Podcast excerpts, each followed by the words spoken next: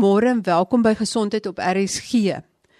Met die dat die onlangse voedselgebonde siekte listeriose wat deur die Listerium bakterie veroorsaak word, die ronde doen en mense redelik ophol het, het ek kom gesels met dokter Jantjie Taljaard. Hy is hoof van infeksie siektes by die Tygerberg Hospitaal en die Universiteit van Stellenbosch. Dokter Taljaard, wat is hierdie Listerium bakterie? Hoe lyk hy en wat doen hy? Hallo Marie. Ja, dit is soos jy reg gesê, dit is 'n bakterie in teenstelling met 'n virus of 'n parasiet. Dit is 'n bakterie wat eintlik baie algemeen voorkom in die omgewing. Dit kom veral in grond voor, in water en dit kan dan nou ook kosse wat verbou word in die grond kontamineer um, en ook ander kosse uh, wat um, geproseseer word in uh, fabrieke soos kaas, melk en so aan ook infekteer. Dit kan ook vir diere infeksie gee. En daar's mens veral nou bekommerd oor diere wat dan vir ons van kos verskaf, al melk, weer eens ongepasteuriseerde melk is 'n risiko en dan ook vleissoorte veral uh, geprosesseerde vleis en so ons ook 'n risiko. En en en, en soos gewoonlik die hoenders is mos maar altyd 'n groot risiko vir voedseloodraagbare siektes en listeria ook. Selfs as dit gevriesde hoender is kan dit nog steeds uh, die bakterium dra. So maak uiterse hitte as jy dit gaar maak of as dit geprosesseer word en koue dit nie dood nie Om uiterse hitte definitief. Ehm um, dit sal werk. So mens moet maar net jou kos deurgaar maak of hulle sê as jy oorskiet kos in die yskas sit, die yskas is nie koud genoeg om die bakterieë om dit te maak nie. Jy moet dit stoomend warm maak wanneer jy dit weer wil eet. Gevriesde kos, die bakterieë kan oorleef, maar as mens dit in, in baie lae grade vries, um, is die kans goed dat jy daarom in die meerderheid van gevalle dit dit, dit kan verwyder. En die bakterieë, as hy nou in jou liggaam kom, waarheen gaan hy en wat doen hy? Ja, so daar's 'n spektrum van siekte wat wat kan gebeur. Die mees algemene simptoom is maar net 'n diarree siekte. So dit is 'n ligte diarree vir 'n dag of twee. Dit kan ook erge diarree wees. So dit kan wees dat dit ongemerk verbygaan as iets spesiaals. Want mens dink is miskien net 'n gewone virus diarree of 'n ander oorsaak van diarree. En dit is gewoonlik skadeloos en uh, is die mees algemene manier hoe mens kan presenteer met die of voordoen met die siekte. Dit kan egter um, vir al 'n sekere groepe mense 'n uh, ernstige siekte veroorsaak. Nou dit kan voorkom in in swanger vrouens veral hulle het 'n hoë risiko um, as gevolg van hulle immuunstelsel wat bietjie af is om die infeksie op te doen. Die swanger vrouens word nie noodwendig baie siek daarvan nie. Hulle kry griepagtige simptome en mag ook diarree ontwikkel en daarna is hulle miskien nie bewus van enige ander probleme nie. Die groot probleem is egter hulle babas. Pasgebore babatjies het 'n baie hoë risiko om dan ook infeksie te ontwikkel. Die infeksie kan of plaasvind deur die die naaldstring en die plasenta of dit kan tydens die geboorteproses plaasvind. Die babas probleem is dan dat hulle immuunstelsel is natuurlik ook baie onontwikkeld so, sodra hulle gebore is. En die risiko is dan dat hulle bloedstroominfeksie kry of dan nou 'n breinvliesontsteking. Die ander probleem is ook dat daar 'n risiko is vir vroeë geboorte of dan ook dan nou um, 'n miskraam uh, as die ma die infeksie kry. En dan die laaste groep van mense wat 'n hoë risiko het vir ernstige infeksies is dan mense met 'n verswakte immuunstelsel, maar dan ook ouer mense insluit, maar dan ook alle ander oorsake van 'n uh, verswakte immuunstelsel. Ons dink daar spesifiek aan HIV, suikersiekte, mense wat op langtermyn kortisoonbehandeling is byvoorbeeld vir reumatologiese siektes en 'n lang lys van ander oorsake van swak immuunstelsels. Hulle kan dan ook dan nou bloedstroominfeksies kry en ook breinvliesontsteking. Is dit dan hierdie laaste twee, die bloedstroominfeksie oftewel septisemia of die breinvliesontsteking wat dan dodelik of fataal kan wees?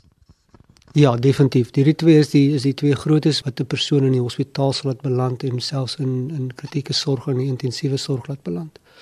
Die risiko vir mortaliteit is baie hoog. Tot 30% van mense wat infeksie kry, kan sterf as gevolg van hierdie infeksie deel van die rede hoekom dit so ernstig is is omdat dit dikwels ongemerk verbygaan want mense is nie bewus dat die infeksie teenwoordig is nie want dit is nie 'n baie algemene infeksie in normale omstandighede nie.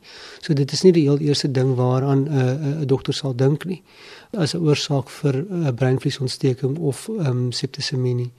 En dan tweedens ook um, omdat dit nie so algemeen is nie, die tweede probleem is dan nou ook dat die antibiotika wat ons gebruik om dit te behandel, is nie die normale antibiotika wat ons sal gebruik het vir 'n breinvliesontsteking van 'n ander oorsaak nie. Watter antibiotika is effektief teen Listeria? Ja, dis 'n baie eenvoudige antibiotika, gewone ampicillin wat 'n baie ou antibiotika is wat verwant is aan penicillin. Maar dit is nie die antibiotika wat ons sal gebruik wanneer ons die meer algemene soorte van breinvliesontsteking behandel nie. So in daardie behandeling wat ons gebruik vir ander algemene en ook dodelike breinvliesontstekings is nie effektief teen Listeria nie. Nou, vind julle uit dat dit die Listerium bakterie is? Doen julle bloedtoetse of iets of hoe stel julle vas? So die normale riglyne, ek praat nie nou van die huidige riglyne as gevolg van die uitbreking van Listeria in Suid-Afrika nie, maar normaalweg sal ons dit net oorweeg as iemand hoë risikofaktore het soos die wat ek nou reeds genoem het, swangerskap of ouer persoon of iemand wat immuungebrek het, wat dan meningitis toon, sal ons dan onmiddellik twee verskillende antibiotikas gee. Die normale een plus die ampicillin. Maar in die huidige uitbreking situasie word daar aanbeveel ons vir almal wat met breinvliesontsteking voordoen of met 'n moontlikheid van bloedstroominfeksie wel beide antibiotikas gee. Ek wil nou net vir 'n wyle een stappie teruggee en dit is ons het nou gepraat van bloedstroominfeksie, maar hoekom is 'n bloedstroominfeksie so gevaarlik? So 'n bloedstroominfeksie beteken dat die infeksie dan nou deur die hele liggaam versprei deur die bloedstroom. So dis nie soos 'n abses wat net op een area bly nie. Dit gaan in die bloedstroom en dit gaan deur die hele liggaam en dit wek 'n oormatige immuunrespons van die liggaam. En dit dikwels is siekte geassosieer met die immuunrespons wat 'n persoon teen dit het. Nou ek het gesê iemand se immuunstelsel is verswak, maar daar bly nog steeds 'n immuunrespons oor wat dan respondeer net en hierdie respons is dan nou deur die hele liggaam. So dit veroorsaak vreeslike hoë koorse, maar ook dan nou al jou organe is blootgestel aan die infeksie. So jou niere, jou lewer, jou brein is alles blootgestel aan die infeksie as dit in die bloedstroom is. So jy het 'n hoë risiko vir dan orgaanversaking wat dan dodelik is. En as dit dan 'n breinvlies ontsteking veroorsaak, is dit dan ook omdat daar swelling en drukking en allerlei goed as gevolg van hierdie infeksie ontstaan. Ja, soos jy weet die breinvlies omhul die brein maar ook dan nou die rugmurg en al die ehm um, vog aan die binnekant van die rugmurg en die en die brein uh, het dan infeksie in. En dit veroorsaak dan die inflammasie, swelling van die brein en die brein is natuurlik baie sensitief vir enige drukking wat kan plaasvind en dit veroorsaak dan ook die simptome van van breinvliesontsteking. Dokter Taljaard, is daar 'n inkubasieperiode vandat jy blootgestel is aan die Listeria bakterie totdat jy begin siek word? Ja, dis 'n ander interessante ding van die organisme is dat hy verskillende inkubasieperiodes het vir die verskillende siekteprosesse wat veroorsaak word. Die kortste inkubasieperiode, met ander woorde van blootstelling tot siekte, is vir die gewone gastroenteritis, die diarree siekte. Dis so 5 dae tot 'n week na blootstelling sou jy daai beeld ontwikkel. Terwyl swanger vrouens wat infeksie kry kan tot 'n maand voordat hulle simptome sou ontwikkel. En dan vir die breinvliesontsteking kan dit ook 'n maand of selfs nog langer, 2 maande wees voordat 'n mens siekte ontwikkel. So dis baie moeilik om om te bepaal waar die persoon die blootstelling gekry het want baie min mense kan onthou wat hulle 'n maand terug of selfs 2 weke terug geëet het of waar hulle moontlik moet gestel en sou wees. So ehm um, dit is maar 'n moeilike ehm um, saak om die bron uit te kry. Hoe gebeur dit as dit redelik skaars is 'n listerium uitbreking dat daar op drie plekke gelyk is weet want ek verneem nou van in KwaZulu-Natal, Gauteng en in Wes-Kaap. Is dit net toevallig of het dit iets met die oorsprong daarvan te doen? Ja, so miskien moet ek net sê eh, in Suid-Afrika sien ons gewoonlik elke jaar so tussen 60 en 80 gevalle landwyd. En in, in soos jy nou reeds al in die media gelees het, het ons nou al reeds in hierdie jaar meer as as 500 gevalle gesien. So dit is definitief 'n dramatiese verhoging en dit is nie net in daai drie spesifieke areas nie, alhoewel dit is die drie areas waar die meeste mense in voorkom en ook waar die laboratoriums waarskynlik is waar die diagnose kan maak. Maar dit is ook in al die provinsies in die huidige uitbreking gewys dat daar wel gevalle van listeriose is. Soos ek reeds genoem het, dit kom wêreldwyd in water, grond, plantmateriale voor en dit dit kontamineer kossoorte ene kase, vleise, ehm um, selfs vars vrugte, groentes kan gekontamineer raak. en hierdie kossoorte word landwyd versprei. As mens by die bron kan uitkom, kan mens natuurlik nou dit dit stop, maar ons weet nog glad nie watter spesifieke bronne dit is en of dit van 'n enkele bron af is nie. Dit lyk in voorlopige toetse wat hulle na die genetika van die bakterium gaan kyk het, asof dit 'n uh, enkele oorsprong het of in elk geval die meerderheid van gevalle 'n enkele oorsprong het. So dit maak die kans goed dat as aangaande ondersoeke nou vrugte werp, dat ons wel by 'n enkele bron sal uitkom van waar die infeksie vandaan kom. Dit is egter baie moeilik. Um, nou ons 'n klompie jare terug in Amerika ook 'n uitbreking gewees. En daar het hulle gevind dat dit hulle omtrent 5 jaar gevat het om by die bron uit te kom. En wat was die bron toe? Dit is 'n baie interessante een, is die enigste wat nog so opgeskryf is, maar dit was spanspekke gewees. Of spanspek um, agtige 'n uh, uh, vrug gewees. Maar dit kan natuurlik enige groente, vrugte, groente of vrugte wees uh, wat gekontamineer word. Of soos ek gesê het jou jou deli kosse jy weet um, geproseserde vleise jou sagte en selfs harde kase en so aan. So waarskynlik nie die vleis sê maar van skaap of beeste of so nie. Is daar 'n kans dat dit ook besmet kan wees Ek dink daar is 'n kans maar dit is nie klassiek beskryf nie, dit is meer geproseserde um, vleise wat tydens prosesering uh, geïnfekteer raak. Uh, maar definitief as die skaap of beesvleis nie ordentlik gaar gemaak word nie, buiten al die ander risiko's wat daar is, is listeria ook een van die risiko's. Dokter, dink jy dit help om die bron op te spoor nou dat dit 'n uh, aanmeldbare siekte gemaak is? Ja, so dit is pas geproklaameer as 'n aanmeldbare siekte en die Nasionale Instituut vir Oordraagbare Siektes in Johannesburg is reeds besig met ondersoeke om uit te vind waar die infeksie vandaan kom. So die industrie wat wat voedsel voorberei is ingelig en hulle uh, het uh, monsters vir die ondersoekers gegee om te toets om te kyk of van daai fabrieke miskien 'n infeksie kan hê. En dan is ook elke pasiënt wat wat siek word en aangemeld word, is daar 'n vorm wat ingevul moet word in terme van moontlike blootstelling aan kossoorte wat infeksie kon veroorsaak in die afgelope 2 weke tot 'n maand oor die Listeria bakterie kry mense dit net van voedsel af of kan een mens dit weer vir 'n ander een gee? Nee, dit is nie oordraagbaar tussen mense nie. Dit is eh, 'n uh, goeie ding dat dit nie kan versprei in 'n gemeenskap andersins as deur die voedsel of ehm um, water nie. Dit is nou 'n uitbreking wat in Suid-Afrika aan die gang is. Daar is meer gevalle as wat daar oor die ander jare was, maar hoe kan ons dit voorkom as ons nog nie presies weet wat die bron is nie? Ja, ek dink eerstens die mense wat 'n hoë risiko het vir ehm um, infeksies soos die wat ek reeds genoem het. Swanger vrouens veral en dan die die uh, mense met 'n uh, swak immuunstelsel moet bewus wees van die risiko's. So hulle moet meer as normaalweg bewus wees van die die kaaskosse, die die, geproseserde vleise en dan enigiets anderster wat nie mooi afgewas is nie of goed gaar gemaak is nie, moet van hom weggebly word. So dit is met ander woorde bewustheid is die nommer 1 vir die risiko van voedseloordraagbare siektes. En dan dink tweedens moet 'n mens as jy oorskiet kos het, almal het oorskiet kos wat hulle dan nou later eet om te weet dat moet nie koud te eet nie, maar wel goed deurgaar te maak stoomend warm word gesê. So um, om seker te maak dat as daar dan listeria is dat dit um, doodgemaak word. Ja, die basiese beginsels as jy vars groente en vrugte het, maak seker jy was dit goed af voor jy dit of skuld dit af. Met ander woorde, die wasslag sal jy wel die bakterieë kan afwas. Ja, ek dink as jy baie goed en deeglik af was, is die risiko baie laag. En wat van dat jy jou eie hande ook meer gereeld moet was, sal dit dalk help? Ja, ek dink met uh, voedselvoorbereiding, ehm um, weet ons nou dat eenmalige handwas is nie genoeg nie, want uh, jy was jou hande aan die begin en dan begin jy kos maak en vat weer in 'n klomp verskillende dinge. So herhaalde handwas um, tydens kos maak is is is 'n goeie ding te doen altyd. En maar veral nou in hierdie tipe van um, situasie waarin ons nou is.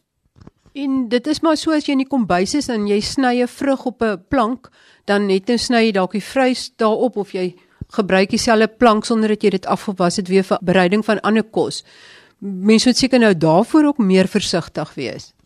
Ja, ek dink so maar weer eens as jy die kos darm goed voorberei en soos ek sê het gewas het en so aan, um, is dit seker maar 'n lae risiko want daai daai kontak is maar is maar laag. Ehm um, maar ek dink dis 'n goeie beginsel wat jy noem. Ek kan nie eintlik fout vind daarmee nie, maar mens wil ook nog nie te paranoïes raak nie. Ek weet buiten Listeria bakterieë is daar ook ander tipe uh, bakterieë wat deur voedsel oorgedra kan word. Miskien kan jy net baie kortliks net 'n paar van dit noem en dan die beginsels net uitspel oor wat mens moet doen om dit te voorkom? Die mees algemene voedselbedraagbare siektes en dit sluit nou virusse plus bakterieë in veroorsaak maar net 'n diarree. En dit is gewoonlik verbygaande diarree wat van miskien dag of 2 en dan sit verby en jy hoef amper geen behandeling te neem daarvoor behalwe miskien 'n bietjie vog inneem nie. En dit is meer algemeen in kinders vir vir algemene redes van kinders se higiëne is gewoonlik swakker as as volwassenes. So dit is die by verre die die mees algemene oorsaak. En is is is baie algemeen in die, in die samelewing. So dit baie met higiëniese omstandighede te doen en en weer eens kosvoorbereiding in hande was. Maar dan is daar 'n paar wat uitstaan van die diarree siektes uh, kan ernstig wees. Met ander woorde, dit kan of 'n bloederige diarree veroorsaak met baie hoë koorse. In daai toestande het antibiotika nodig vir verbetering. Anders kan dit komplikasies hê in die darmes. En daar dink mens aan organismes soos Shigella en Amoeba, soms Salmonella ook, maar nie altyd nie. Meestal net in mense met swak immuunstelsels sal Salmonella 'n groot probleem wees in terme van komplikasies wat kan ontwikkel. En 'n paar ander organismes wat die dokter sal moet van weet. Dis so dis jou diarree siektes, maar dan het jy ook baie ander interessante uh, siektes wat oorgedra kan word, veral deur ongepasteuriseerde melk. Dink ons aan ietsie soos brucellose, 'n baie skaars toestand in Suid-Afrika tans is. Maar daar is sporadiese gevalle van van brucellose wat wel gediagnoseer word in die land elke jaar. Ek verstaan brucellose is nogal 'n derduiwel om te behandel. Ja, mens mens het uh, meer as een antibiotika nodig vir 'n baie lang tydperk. Dikwels 3 antibiotikas. Die antibiotika kan komplikasies hê. En die diagnose van brucellose is ook besonder moeilik want die toetse wat ons tot ons beskikking het is nie altyd uitsluitlik of spesifiek vir die diagnose nie. As jy net in 'n neutedop 'n paar wenke vir mense kan gee om seker te maak dat hulle nou nie in hierdie tyd wel uh, die Listeria bakterie inkry nie. Wat moet hulle doen of wat kan dit wees? Ek dink die enkele groot um, wenk wat ek sal gee is om te sê berei kos higiënies voor, maak dit goed gaar en vries dit eerder as om dit net in die yskas te hou. Dit was my gas Dr. Jantjie Taljaard, hoof van infeksiesiektes by die Tygerberg Hospitaal. So baie luisteraars het navraag gedoen oor die nuwe soort antidiabetesmiddels dat ek nou 'n deel van my gesprek met Dr Marius Wasserval, internis verbonde aan die Medikliniek Panorama, herhaal. Hy vertel meer oor hoe die nuwe antidiabetesmiddels werk wat nou enige tyd beskikbaar sal word in Suid-Afrika. Die rede hoekom ons tipe 2 diabetes wil behandel is om die komplikasies wat uit die siekte voortspruit te keer of ten minste dan die risiko vir daai komplikasies te verlaag. Die belangrikste van hierdie risiko's is dan die makrovaskulêre komplikasies van hartaanvalle en beroertes en selfs amputasies. Die enigste middel van dit wat ons heidaglik beskikbaar het wat hierdie risiko afekteer het was metformin. Ons het nou bewyse dat Victoza en ook een van die SGLT2 inhibitore empagliflozin bewys is om jou risiko vir makrovaskulêre komplikasies te verlaag. Voorlopige resultate van dapagliflozin wys dieselfde, maar die, ons wag vir die groot studie wat in 2019 gepubliseer gaan word. Toe die kardiovaskulêre veiligheidsstudie van empagliflozin voorgedra is in Stockholm in 2015 was almal teenwoordig so opgewonde oor die feit dat dit 'n 13% verlaging in risiko dra dat hulle spontaan hande geklap het want almal verstaan dat ons vir die afgelope 20 tot 30 jaar baie min kon gedoen het in die makrovaskulêre risiko wat gepaard gaande is met diabetes mellitus. Ons weet dat as jy jou bloeddruk behandel, kan jy minder hartaanvalle en beroertes verwag. Ons weet as jy jou cholesterol behandel met 'n statien, kan jy minder hartaanvalle verwag. Maar in jou diabetes met gevestigde makrovaskulêre siekte het ons feitelik geen bewys van enige verlaging in risiko gehad tot en met die afgelope paar jaar wat ons gesien het in studies dat Victoza en die SGLT2s wel vir jou 'n 13 en 14% verlaging in risiko vir makrovaskulêre komplikasies gee nie. Gevolglik verwag ons dat hierdie nuwe medikasie baie vinnig 'n hoeksteen van behandeling sal word vir tipe 2 diabetes omdat dit die belangrikste komplikasie affekteer en die risiko verlaag. En as jy in ag neem dat obesiteit dryf diabetes, diabetes dryf hartaanvalle en beroertes. En hartaanvalle en beroertes is die nommer 1 en nommer 2 oorsake van sterftes in die wêreld dan kan mens verstaan hoekom ons opgewonde is oor 'n 13 en 'n 14% verlaging in risiko vir makrovaskulêre komplikasies, want ons kan uiteindelik dit affekteer. Ons kan nie die risiko wegvat nie en daarom moet die klem steeds wees om in die eerste plek nie obese te raak nie, nie oorgewig te raak nie, om nie diabetes te raak nie, want ons kan in pasiënte met diabetes die risiko met 13 en 14% verlaag, maar ons kan dit nie terugvat na 0 toe nie. So dis belangrik om liewer daai leefstyl aanpassings toe te pas wanneer jy jonk en gesond is en te sorg dat jy in die eerste plek nie diabetes word nie. Indien jy egter 'n diabetes is, is daar nou 'n bietjie lig in die tonnel want nou kan ons jou risiko vir makrovaskulêre komplikasies ten minste betekenisvol beïnvloed met medikasie. So in opsomming is die SGLT2 inhibitore medikasie wat jou niere teiken sodat jy glikose verloor in jou urine. Daar is twee wat beskikbaar gaan wees in Suid-Afrika. Die een is Dapagliflozin of Forxiga. Dit sal in November beskikbaar wees. Die tweede een is Empagliflozin of Jardiance. Dit sal hopelik vroeg 2018 beskikbaar wees. Hierdie medikasie werk deur die herabsorpsie van suiker in jou niere te keer sodat jy ongeveer 70 gram glikose oftewel 300 kalorieë verloor in jou urine elke dag. Dit is ongeveer die volume en die suikerinhoud van 'n blikkie Coke.